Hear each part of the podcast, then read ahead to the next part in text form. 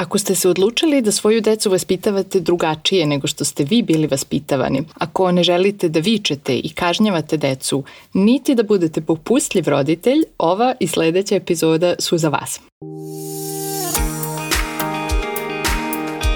Dobrodošli u Radosno roditeljstvo. Ja sam Ana, a ovo je podcast u kome pričamo o svim temama vezanim za roditeljstvo i koji vam nudi ideje i inspiraciju kako biste pronašli još više radosti u roditeljstvu i uživali u svojoj deci. Mišljenja koje iznosim u podcastu baziraju se na naučnim istraživanjima iz oblasti psihologije i dečijeg razvoja, a pre svega na primerima iz stvarnog života i mom ličnom iskustvu sa mojom decom. Hvala što ste tu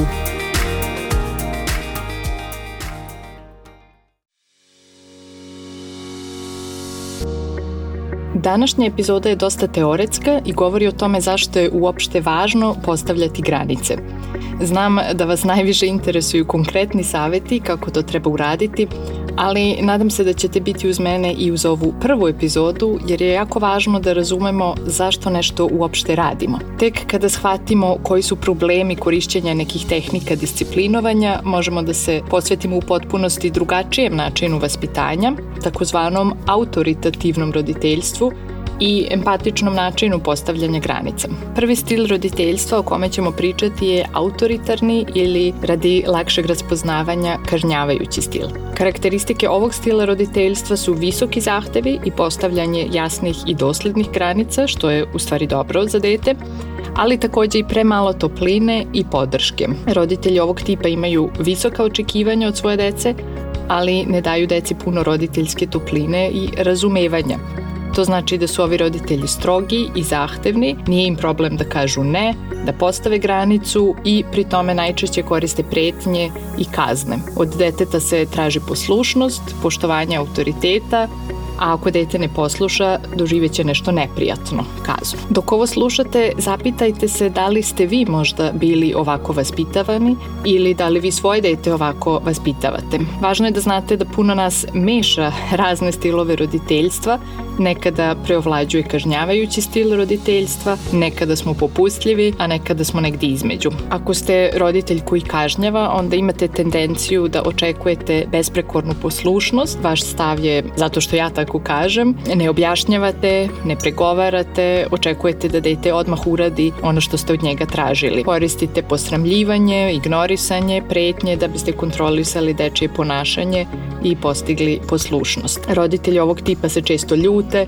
podižu glas, viču, čak ponekad i fizički kažnjavaju dete i koriste svoj bes i kazne da kontrolišu decu. Sve ovo što sam nabrojala predstavlja model kojim je većina nas bila vaspitavana. Većina nas je imala autoritarne roditelje i mnogi od nas, uključujući i mene, automatski posežu za ovim tehnikama vaspitanja. Ako nismo dovoljno svesni i ne razmišljamo kako hoćemo da se ponašamo u određenoj situaciji, automatski pretimo, posramljujemo, krivimo dete i slično. Postoji veliki broj istraživanja koja se bave posledicama ovog načina vaspitanja i pokazuju čemu su sklona deca koje odrastaju u ovakvom okruženju. Deca autoritarnih roditelja imaju niži stepen moralnog razvoja i lošiju samoregulaciju. To je verovatno zato što ovaj stil roditeljstva eksternalizuje detetovu motivaciju da se prikladno ponaša. Drugim rečima, deca motiv za poštovanje određenih pravila pronalaze u strahu od kazne, a ne u pozitivnom aspektu samih postupaka. Na primjer, ako roditelj preti detetu da mora da deli igračke, a u protivnom neće moći da gleda televiziju, dete nauči da je za njega samog bolje da deli jer je inače ono na gubitku, umesto da nauči da je deljenje ljubazno i pažljivo prema nekom drugom. To znači da dete na ovakav način ne nauči da deli iz socijalnih razloga, nego iz sebičnih. Isto tako ako kažemo detetu, ako me lažeš, nećeš ići na rođendan kod prijatelja ono nauči da je važno da ne bude uhvaćen u laži, umesto da nauči zašto laganje nije u redu. Takođe, deci iz ovakvih porodica je uvek bilo rečeno šta da rade i kako, tako da nikada nisu imali prilike da sami odlučuju i zato nisu učili iz svojih grešaka. Nisu naučili da rešavaju probleme i imaju sklonosti ka plašljivosti, nižem samopouzdanju, samokritičnosti i teže im padaju situacije u kojima treba da se verbalno sami za sebe izbore. Tinejdžerske godine takođe mogu biti problematične jer pretnje ili fizičke kazne kojima su ranije bili kontrolisani više jednostavno ne pomažu. Takođe je pokazano da jedna od karakteristika ovog roditeljskog stila, posramljivanje, negativno utiče na učenje. Da kada nekog posramimo za loše urađen zadatak, on lošije rešava probleme. Ovo pokazuje da je ova metoda zapravo kontraproduktivna, jer će uz nju detetovo ponašanje postati gore, umesto da se popravi. Zaključak je da ne želimo da budemo roditelji koji koriste kazne i pretnje da bi podstakli dete na saradnju. Možda se onda pitate, pa šta onda? Da li da dozvolimo deci da rade šta hoće? Kao što ste već pretpostavili, odgovor je ne, ne želimo ni to. Pogledajmo šta je permisivan ili popustljiv stil. Karakteristično za ovaj danas dosta popularan stil vaspitanja jeste puno roditeljske topline i podrške, ali i malo očekivanja i granica. Ovakav tip roditelja nije u stanju da nešto zabrani ili da dete natera da uradi nešto što dete ne želi. Dok pričamo o ovome razmislite da li vi imate neku od ovih tendencija. Kao i kod kažnjavajućeg roditeljskog stila, većina nas pokazuje neke od ovih tendencija. Možete i da se zapitate da li ste vi bili tako vaspitavani. Ako ste ovaj tip roditelja, imate malo pravila, niste dosledni, istu stvar ponekad dopustite, ponekad ne, tako da deca ne znaju šta da očekuju. Popustljiv roditelj je veoma topao, pokazuje puno ljubavi, veoma je brižan i podržavajući, što je pozitivno. Sa detetom često ima takozvani drugarski odnos, pa ne voli da preuzima roditeljsku ulogu u vidu lidera koji postavlja granice. To su roditelji kojima je neugodno da kažu ne, da nešto zabrane, čak i kada kažu ne svom detetu imaju tendenciju da previše objašnjavaju, apeluju na detetov razum ili se možda predomisle i na kraju popuste. Ovim roditeljima je teško da izdrže detetova negativna osjećanja. Dakle, ovo su roditelji koji pružaju puno ljubavi, ali im teško pada da utiču na dečije ponašanje i ne ohrabruju dete da poštuje standarde definisane od spoljašnjeg sveta. Koji su rezultati ovog stila roditeljstva? Deci koja su ovako vaspitavana često nedostaje samo disciplina jer su odrasla bez zahteva i očekivanja. Takođe nemaju razvijenu empatiju, sklona su antisocijalnom ponašanju i mogu da imaju poteškoće u školi.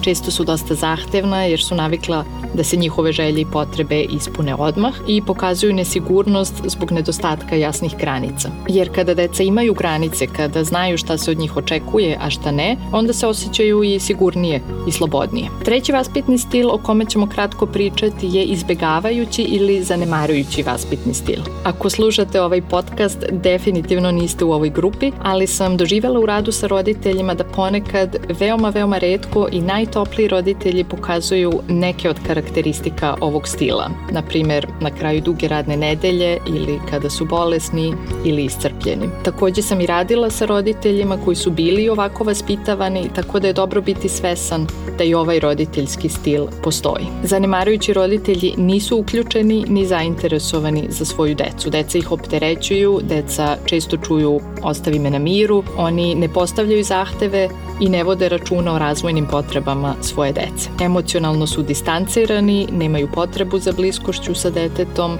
i to su roditelji koji često imaju puno svojih problema, često težih psihičkih problema ili problema zavisnosti. Deca ovakvih roditelja ispoljavaju najviše emocionalnih problema i problema u ponašanju. Imaju nizak nivo samokontrole, slab uspeh u školi, kao i sklonost ka zloupotrebi psihoaktivnih substanci i delinkventnom ponašanju. Sada kada smo videli šta ne želimo, možemo da se posvetimo stilu vaspitanja kome želimo da težimo, a to je četvrti stil, autoritativno ili neki ga zovu pozitivno, mirno, moderno roditeljstvo. Karakteristično za ovaj stil roditeljstva je visok nivo podrške i topline i visoka očekivanja i zahtevi. Ovaj tip roditelja je dobro povezan sa detetom, sluša dete, ispunjava njegove potrebe, pokazuje ljubav kroz svoje reči i dela.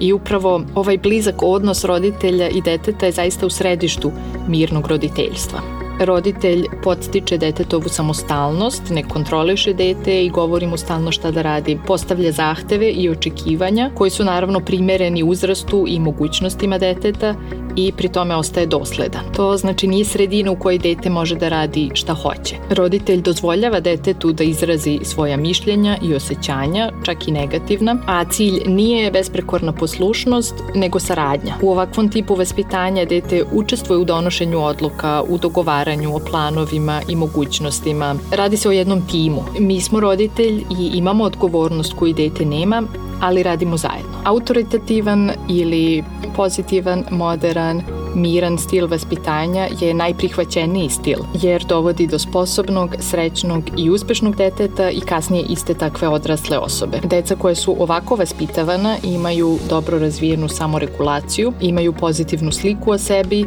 dosta samopouzdanja, veruju da mogu da nauče nove stvari i imaju dobre socijalne kompetencije. Kada su roditelji blagi i topli, deca ih vide kao pozitivne uzore, kao nekoga od koga hoće da nauče, što je od centralnog značaja jer biti uzor detetu je naš najmoćniji, ako ne jedini alat koji imamo kao roditelj da utičemo na život naše dece. Takođe, kada se roditelji odnose prema deci sa poštovanjem, deca će lakše internalizovati ove obrazce ponašanja. Kada roditelji imaju dobru regulaciju emocija i puno empatije, deca to nauče iz prve ruke kada smo mi kao roditelji smireni i deca nas vide kao nekoga ko je ljubazan i pažljiv, oni nas imitiraju i takođe postaju empatični. Tako da bi moglo da se kaže da je cilj mirnog roditeljstva da razvijemo sebe i postanemo dobro regulisani, empatični i ljubazni kakve želimo da budu i naša deca. Još jedna posledica ovog stila roditeljstva je da su deca i kasnije odrasli snalažljiva i samostalna jer su navikli da rešavaju probleme.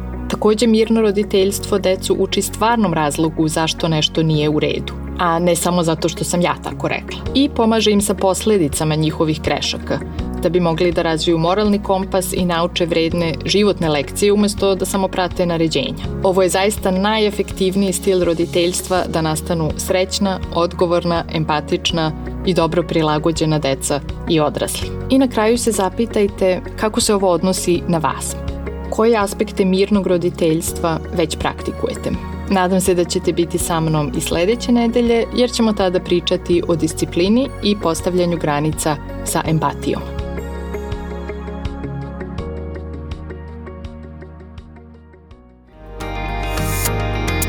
Hvala što ste slušali Radosno roditeljstvo. Ako imate neko pitanje, predlog ili samo želite da mi se javite, pošaljite mi e-mail na adresu podcast.radosnoroditeljstvo.com ili popunite kontakt formular na web stranici radosnoroditeljstvo.com. Čujemo se za dve nedelje.